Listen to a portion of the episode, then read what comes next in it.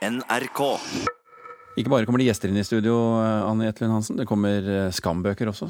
Ja, Ungdomsserien Skam er jo ferdig på norsk fjernsyn, men nå får tilhengerne mulighet til å få et nytt innblikk i denne serien. I dag så gis nemlig den første av fire skambøker ut. Hvordan kan du navnet mitt? Mm. Jeg kan navn på alle elevene på den skolen her. Hva kan jeg hjelpe deg med? TV-serien Skam avslutta med sin fjerde og siste sesong i fjor, men allerede nå kommer det mer innhold for Skam-fansen. For i dag kommer den første Skam-boka på Armada forlag. Ikke bare det. Bøkene inneholder alle råmanusene til Skam, akkurat slik de ble skrevet av manusforfatter Julie Andem. Skam-universet er jo helt unikt. Det har berørt eh, enormt mange. Og det er noe med måten Julie Andem skriver på som også kler bokformatet veldig godt. Det sier Sara Natasha Melby, som er forlagssjef i Armada. I de nye bøkene er alle scener tatt med, også de som ikke kommer på TV. Eh, og Det betyr jo også at manusene inneholder scener som aldri ble spilt inn, og replikker som senere ble klippet bort. Så har Julie i tillegg skrevet eh, nye prologer og nye epiloger. Og så får vi eh, et innblikk i Julie Andems unike tankekart.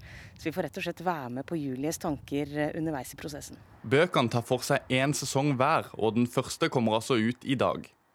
De tre neste kommer utover høsten med tre-fire ukers mellomrom. Redaksjonssjef i NRK P3 Håkon Mosleth, er positiv til at Skam kommer i bokform. Julie Andem har skrevet noen uh, fantastisk uh, gode manus som også gjør seg tror jeg, som, som ren tekst. Og reporter her, det var Daniel Eriksen. Ulrikke Falk, du spiller en av karakterene i Skam. God morgen. God morgen. Hva syns du om at disse Skam-manusene blir gitt ut i bokform? Jeg syns det er kjempekult. Eh, veldig, veldig god idé. Eh, og absolutt noe som jeg tror mange kommer til å like. Er du enig i at de var spesielt gode, eller i hvert fall spesielle? Det, det er noen um, beskrivelser i manusene som Julie Andem har uh, skrevet, som er helt rå. Uh, typ uh, øyeblikk som dras ut, et sekunds øyeblikk, et sekunds blikk. Som blir dratt ut til en hel setning om tanker rundt livet og eksistensielle kriser. Så det tror jeg blir kjempefint. Du er jo selv bokaktuell. Du og komiker Sofie Frøysaa har akkurat gitt ut bok sammen. Frøysaa, god morgen til deg også. God morgen. Du har turnert med soloforestillingen 'Ambisiøs og deprimert' i sommer, og sammen så har dere to skrevet boken 'Jenteloven feministisk førstehjelp'. Hva slags bok har det blitt? Det er en eh, survival guide for unge jenter. Så vi eh, snakker om egne opplevelser eh, hvor det har vært ekstra vanskelig å være jente. Og så deler vi av de erfaringene, og så gir vi rett og slett eh, tips og triks til hvordan man kan eh, håndtere trakassering og kjip oppførsel. Ja, hvem er det som trenger det? Det tror jeg alle trenger. Eh, først og fremst de som ikke har lyst til å lese boken. Så der har vi jo gjort litt skinke for oss selv. Hvordan da? Nei, jeg tror det er noen som har litt motstand i seg selv for å kalle seg feminist, og motstand mot oss fordi vi er kvinner som hever stemmen vår. Så eh, det, det syns jeg jo er synd, men jeg håper at de på en eller annen måte klarer å plukke den opp allikevel. Men er det en bok også for gutter og menn? Ja, det er det jo. Fordi kjønnsnormer og sexisme er jo også begrensende for gutter og menn. Eh, men det er jo først og fremst eh, jenter, unge jenter som er målgruppen. Men jeg tror og håper at gutter også kan få noe ut av å lese den. Dere hadde altså møtt hverandre én gang så vidt jeg har fått med meg, før dere startet på arbeidet med å skrive denne boken. Hvordan har dere jobbet? Vi har jobbet uh, ganske tett. Vi har blitt veldig nære venninner. Mye av skriveprosessen har også vært krevende, og da har vi stilt opp for hverandre. Så det har vært veldig fint å ha, være begge to. Og Hvordan har resultatet blitt? Altså, det er en blanding av små tekster, litt tegneserier. Eh, fortell. Ida Neverdal har illustrert, og det er nydelig eh, det hun har gjort. Og, eh, det er noen caser, og så er det noen lister, eh, og så er det hver vår backstory i boka eh, som løper gjennom hele boka. da. Eh, og den tar utgangspunkt i den tiden det var verst å være oss, og det var i tenårene. På hvilken måte? Eh, nei, vi tar et oppgjør med eh, egne opplevelser hva gjelder mobbing, spiseforstyrrelser, depresjon, eh, utenforskap. Eh, så vil vi dele raust av det og vise unge at eh, de er ikke alene om å ha det kjipt. Og du, eller Forestillingen din handler om å vokse opp i bibelbeltet med to mødre og ha Tourettes syndrom. Er det en nyttig erfaring når du vil gi feministisk førstehjelp? Absolutt. Den taglinen er jo litt nisjete. Men eh, det har jo gitt meg eh, noen erfaringer og verktøy for eh, å kunne ja, kjempe for andre som også kan føle på utenforskap, eller som på en eller annen måte skiller seg ut. Og jeg syns det er interessant å snakke om normalitetsbegrepet. Hvem er normal? De færreste av oss er vel det. Ulrikke Falk, du har også disse erfaringene fra Skam i tillegg til egne erfaringer. Har det gitt en innsikt, altså serien, når du har skrevet denne boken? Eh, nei, det tror jeg egentlig ikke. det, er, eh, det, er, på en måte to veldig separate prosjekter. Mm.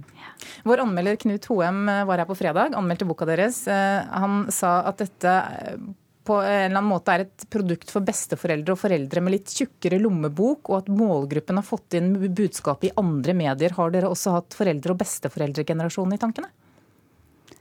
Nei, det har vi jo ikke i det hele tatt. Eh, men vi har, vi har, eh, i tankene har vi hatt at alle burde jo lese denne boken. Det, vi begrenser ikke hvem som skal få lov til å lese den. Du har nesten én million følgere på Instagram. 998 eh, 000 sjekket vi. Det går nedover nå, skjønner du. Så det er 997. yes. Men det er jo i hvert fall en god del mer da, enn et vanlig bokopplag. Hva kan du si i en bok som du ikke kan formidle direkte til alle disse? For oss er jo dette her et produkt av all aktivismen vår. En forlengelse av det vi engasjerer oss for. Eh, så det er typ et manifest av, eh, av det vi tror på. Eller et kvinnifest, da. Selvfølgelig. Kvinnifest. Kvinnifest. mm. Og det er? Nei, det er jo bare det samme, bare at vi Språket er så maskulint, så vi prøver å liksom eh... Ok, Men hva er manifestet, da? Nei, det, det, som er fint med boka, da, som ikke man kan få på sosiale medier, er jo eh, at det er som en venn. Altså at den er tilgjengelig eh, når du er ute og reiser. Du kan ta den opp, og du har det samlet ett sted, istedenfor å måtte navigere deg og bla gjennom eh, newsfeeden din med masse eh, retusjerte bilder og ja, annet som kanskje ikke er så eh, bra for påvirkning. Da. Mm. Så, så, det er jo fordelen med boka. Mm. Skal den også fungere som trøst på en eller annen måte? Absolutt. Mm. Sofie Frøysa, du sa i, VG i helgen at Ulrikke Falk har mer makt enn Erna Solberg. Eh, på hvilken måte? Nei, Da gjelder det jo målgruppen direkte. da, At hun påvirker jo sine én million følgere. Eh, og når ut til unge på en helt annen måte. Og at influensere, som det nå så fint heter, har jo en stor påvirkningskraft. Eh, så når det gjelder målgruppen, så har hun absolutt eh, større påvirkningskraft eh, og makt enn Erna. Og hvorfor trengs en slik bok? Vi har skrevet en bok som vi veldig gjerne skulle ha lest da vi selv var tenåringer. Denne boken trengs fordi vi er nødt til å avsløre formene for undertrykkelse som skjer både i skolen og i hverdagslivet overalt.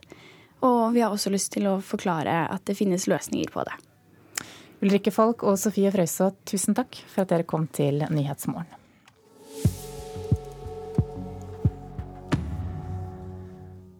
Hvorfor bøye seg så dypt, er tittelen på en utstilling som nylig åpnet på Kunsthall Grenland i Porsgrunn. Mona Palle Bjerke, kunstkritiker her i NRK, hva slags utstilling er dette her? Ja, ja, dette er en utstilling som der fire norske kunstnere undersøker temaer som ydmykhet, opposisjon og maktstrukturer.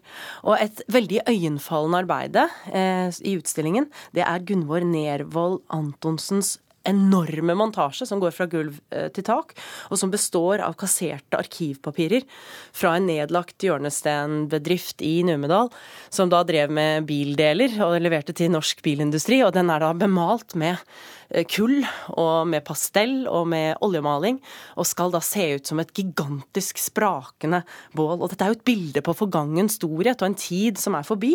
Og man ser jo da liksom glimt fra det indre liv i denne nedlagte bedriften. Og det blir sånn brokker og fragmenter, da, og hvor vi opplever at bedriften på en måte går opp i røk. Så det er et veldig, veldig sterkt og mektig bilde, da, som også kobler seg fint opp mot denne tematikken knyttet til ydmykhet eh, og makt. Ja, hvordan tar de øvrige tak i denne tematikken? Ja, Det er ikke så lett sånn umiddelbart å se eh, tematikken som en rød tråd gjennom hele utstillingen. Man må helst lese litt i denne utstillingsfolderen, da, som man heldigvis får med seg, for å kunne se liksom, eh, tematikken i alle de ulike arbeidene. Marte Karen Kampen hun har laget et apokalyptisk eh, verk som er da høye, svartmalte trestammer som ser ut som sånn utbrente trær, eh, hvor det er innfelt små malerier som en menneskelig rest da, i en litt sånn utbrent uh, virkelighet.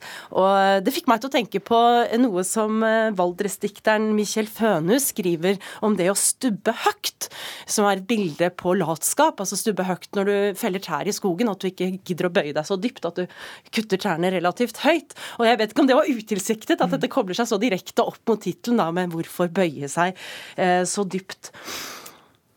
Men er det andre verk du vil fremheve? Ja, et verk som vekket min interesse, var Camilla Steinums eh, verk 'Turn Elsewhere', som viser oppkuttede vevnader som er sydd sammen til en type tekstilkollasjer, hvor vi ser sovende, bortvendte skikkelser Eh, og en kjempehånd da, som griper etter denne skikkelsen, så man føler at det er noen som prøver å flykte fra hverdagsjaget, men at på en måte virkeligheten griper etter deg og prøver å trekke deg tilbake. Men dette er også en kombinasjonsinstallasjon, så det er noen høye metallstrukturer som ser ut som høyblokker, rett og slett. Og man kan oppleve at disse vevnadene er som liksom mentale nærbilder av bevisstheten til denne skikkelsen innenfor disse kalde, standardiserte rammene. At man får et glimt inn i på en måte tankeverden eh, på en måte. Og det er jo veldig, også en veldig sånn sterk kontrast mellom det kjølige metallet og den varme veven, da, som er veldig virkningsfull her.